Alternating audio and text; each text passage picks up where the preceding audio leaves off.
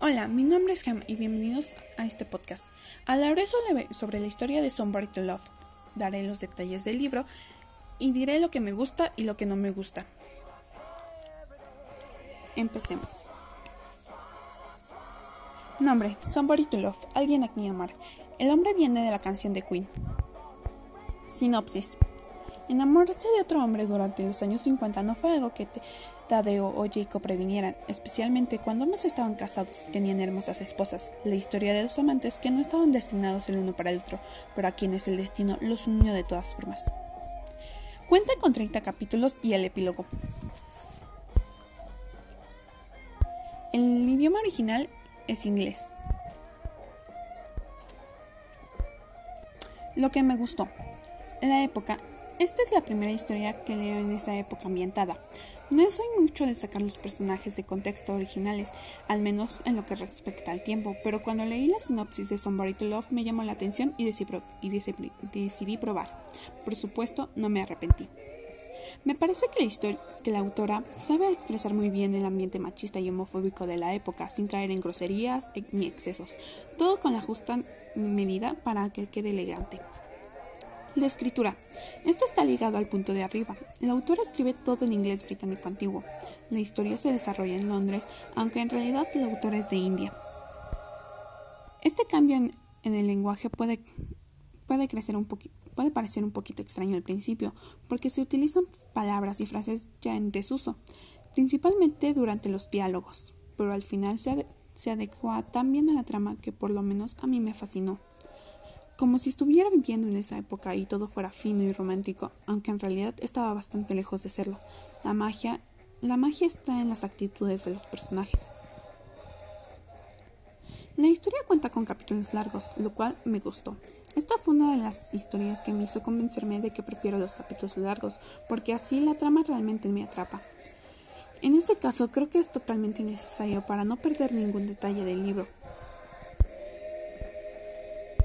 Las personalidades. Los personajes están muy bien desarrollados. Desde los protagonistas pasan por sus esposas hasta los secundarios, como Jimin, el amigo de Jacob. Cada uno ejerce un rol importante al tratar de dibujar la época.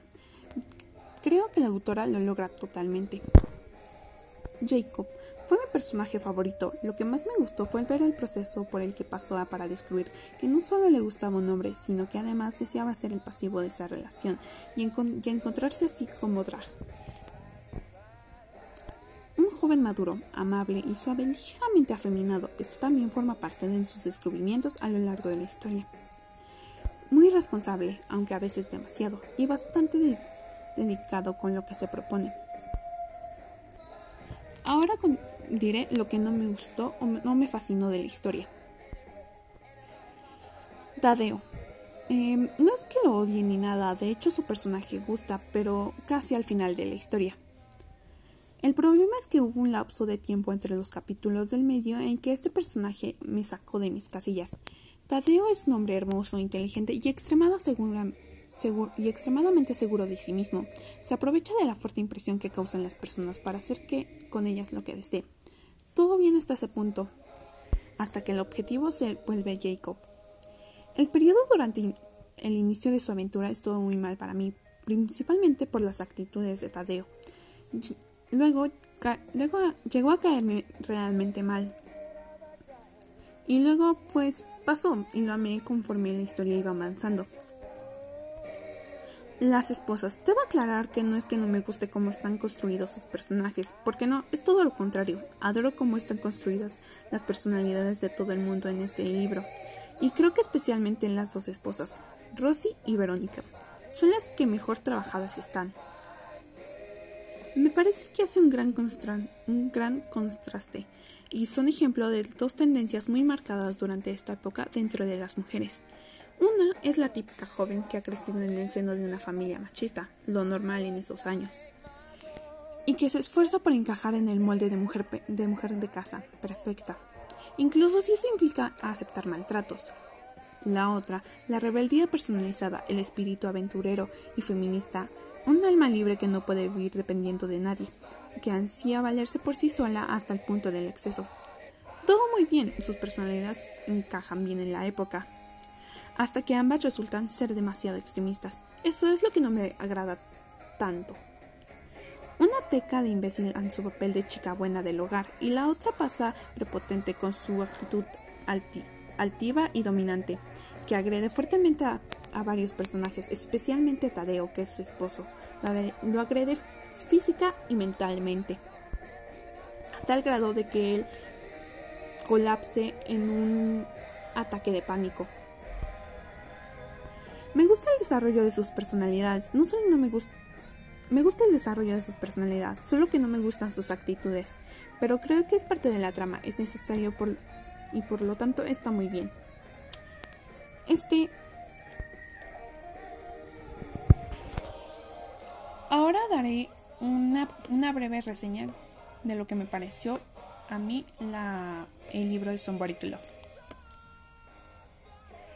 Pienso que esta historia no solamente es sobre un amor imposible entre dos hombres en esa época, sino también del orgullo de la comunidad LGBTQ.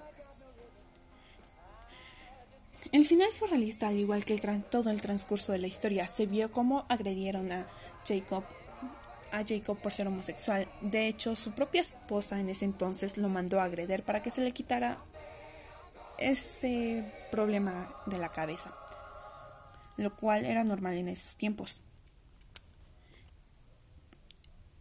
este aunque es aunque esta historia esté plantada hace ya varios tiempo, se puede ver que actualmente hay varias personas que sufren alrededor de todo el mundo por sus preferencias sexuales, género, etc., lo cual lo hace re más real aún.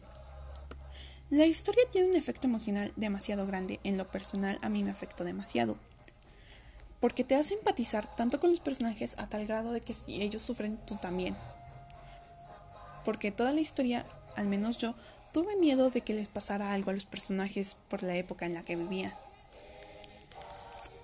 Ayu ayuda a las personas a saber que estas cosas pasan y que no está mal, que realmente es normal que ames a alguien o que quieras ser alguien, a alguien más.